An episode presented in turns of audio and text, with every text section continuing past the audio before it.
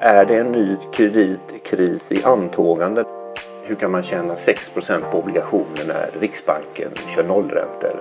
Och vad är det för risker man tar när man köper en företagsobligation i förhållande till en aktie?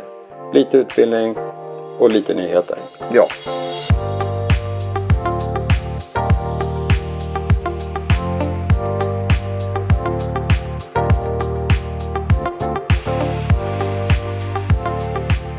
Ja, välkomna till eh, Högräntepodden. Det är vårt första avsnitt så det är ju extra spännande idag. Och idag tänkte vi prata om eh, Evergrande och eh, är det en ny kreditkris i antågande? Just det. Och vi som pratar heter? Stefan Westfeldt. Gustav Andåkar. Ja, och vi är förvaltare av en fond som heter Vinga Corporate Bond. Stämmer, och så förvaltar vi diskretionära mandat också. Precis, och sen har jag en eh, utbildningsserie i Handels i Oslo, eh, i Handel, Handelshögskolan i Norge, där jag eh, undervisar i kreditanalys. Just det. Så att det är vad vi gör. Men först kan man ju fråga sig då, varför startar vi den här podden, Gustav? Ja, eh, men vi märker bland våra kunder, investerare, att det finns ett stort intresse i tillgångslaget högräntor, mm. eller nordisk högräntemarknad. Men ganska lite kunskap. Och de har mycket frågor, de är intresserade av att lära sig mer. Mm. Så väldigt ofta när vi träffar dem så handlar det om utbildning. I början. Så är det verkligen. Och, och det är väl den här tröskeln också att en obligation kostar en miljon eller 1,25. Så det är inte så många privatpersoner som kan handla de här i, i enskilda obligationer. Utan det blir att man handlar en fond och i den fonden så vet man inte riktigt vad som pågår. Nej, man är inte fullt lika aktiv själv ju. Nej, men det blir ju så. Aktier däremot kan ju många svenskar väldigt mycket om. Och det är väl egentligen det gapet som vi vill fylla till viss del med den här podden. Ja. Plus att vi själva brinner för det här tillgångslaget givetvis. Ja, inte minst.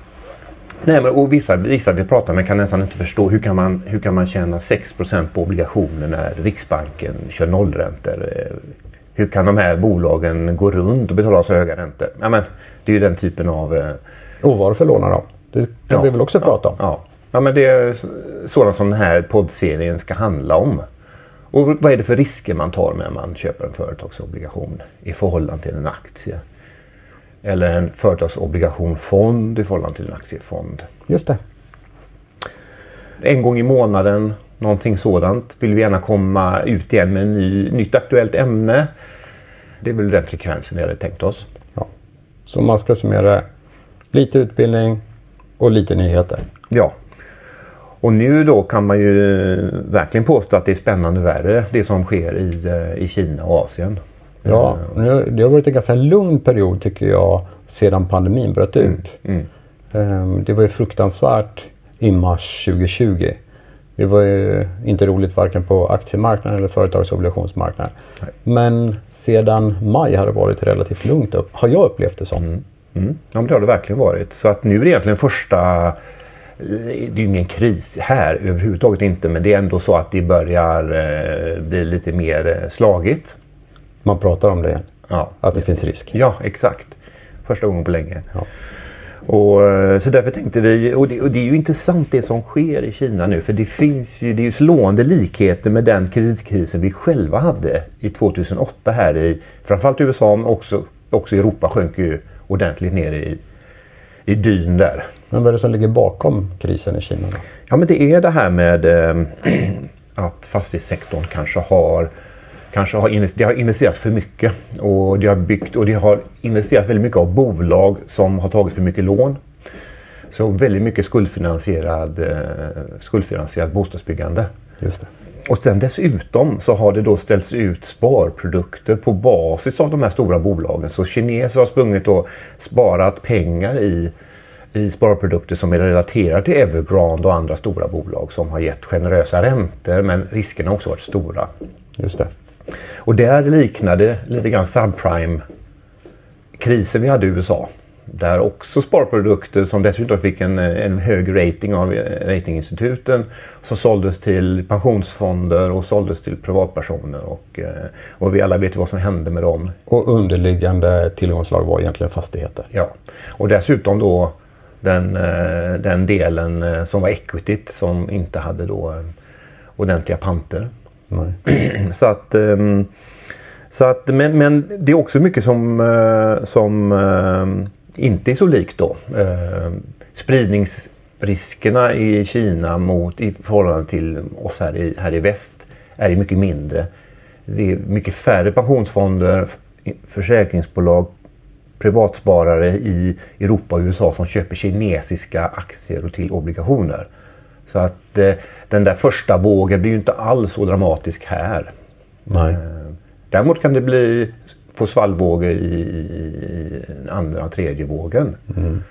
Men, men, Men på plats i Kina kommer det få stora konsekvenser. där kommer det få stora konsekvenser. Och där är väl våran tes att det kommer bero mycket på hur kinesiska myndigheter hanterar detta. Är det en, eh, blir det en limen eh, typ av eh, sätt att hantera det? Där man bara säger att ni, det här får bli, gå ut default, vi hjälper inte till. Marknaden får sköta detta i stort sett. Så, eh, så blir det ju en, då blir det riktigt tufft. Däremot eh, försöker man managera en ordnad avveckling så blir det lugnare.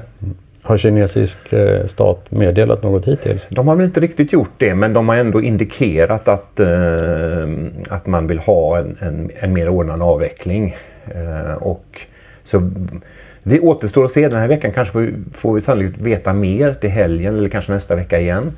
Men eh, kinesiska centralbanken har redan eh, stimulerat med att skjuta in likviditet i, i, i marknaden förra veckan.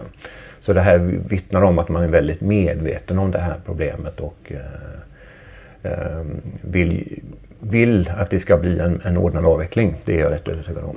För att sätta någon sorts proportion på hur stort bolaget Evergrande är. Så de har 305 miljarder dollar i skuld.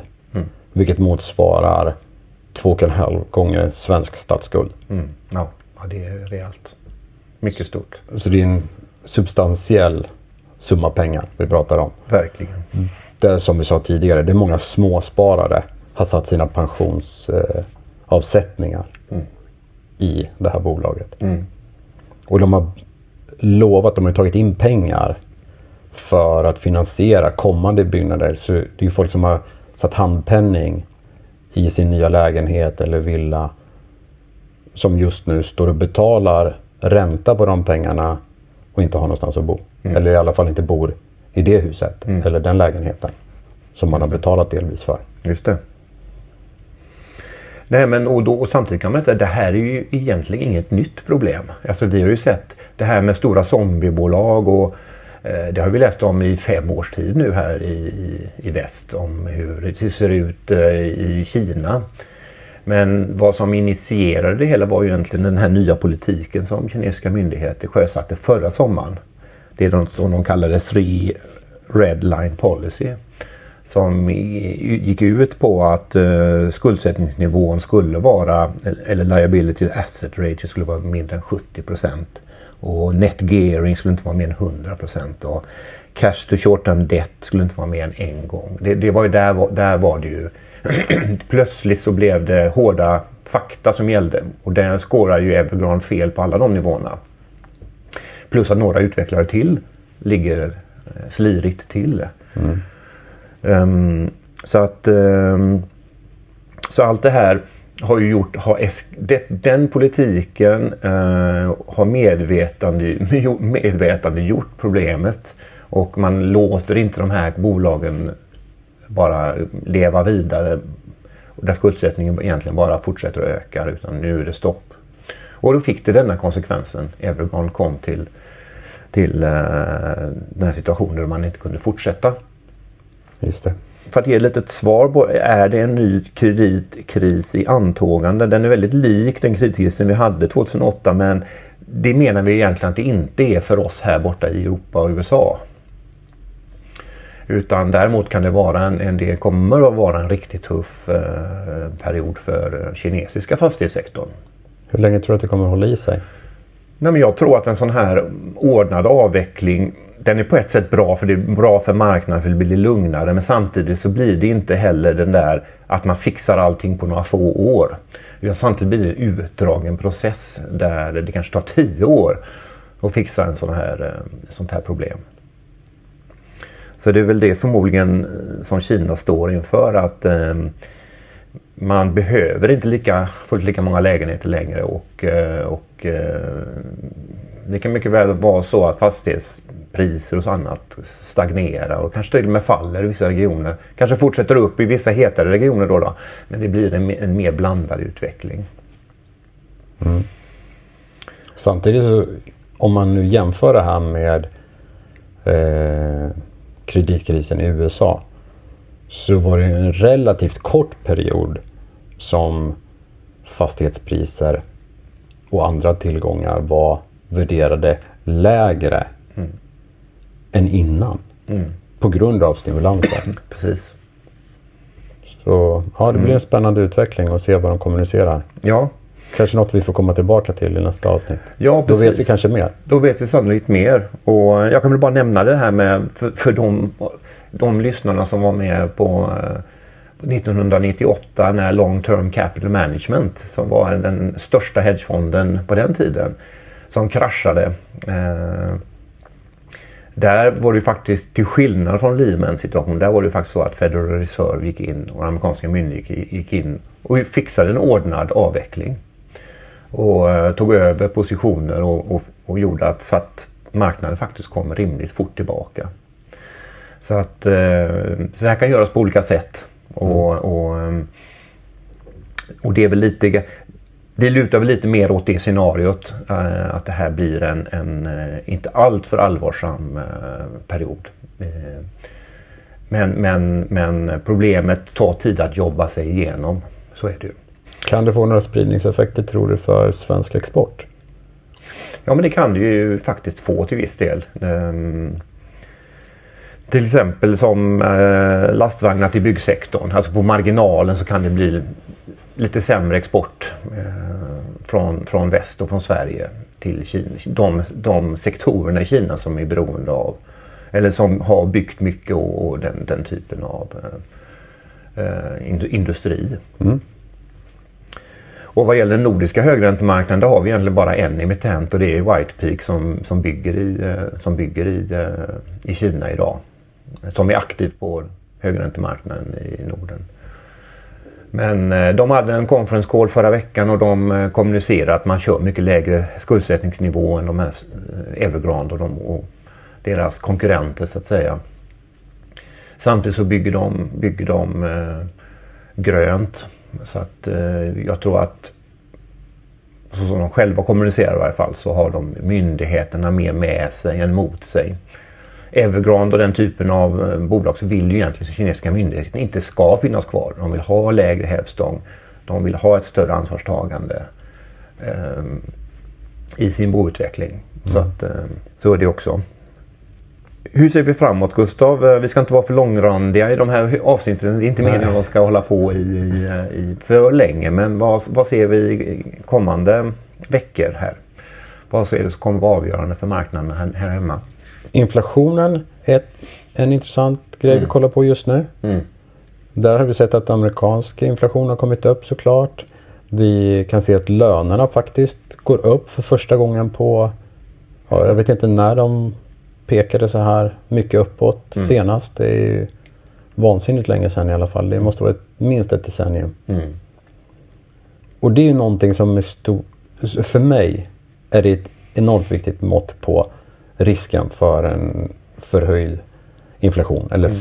för hög om man nu ser till vad centralbankerna siktar på. Alla centralbanker i väst siktar ju på någonstans mellan 2 och 2,5 procent. Och det har vi ju sett också den amerikanska tioåringen och inte bara den. Räntorna generellt har ju faktiskt stigit mm. ganska ordentligt de sista fem, sex dagarna. Här. Ja. Annat som kan vara intressant? Ja, men det är väl de, kanske hur det utfaller nu i Asien då, och svallvågorna runt det och mm det är väl vad vi verkligen håller koll på. Ja, vi har sett att den svenska marknaden faktiskt har reagerat på det. Det har blivit lite nervöst. Jajamän. Vi har högre volatilitet just nu mm. än, än vad det har varit om vi kollar en månad tillbaka.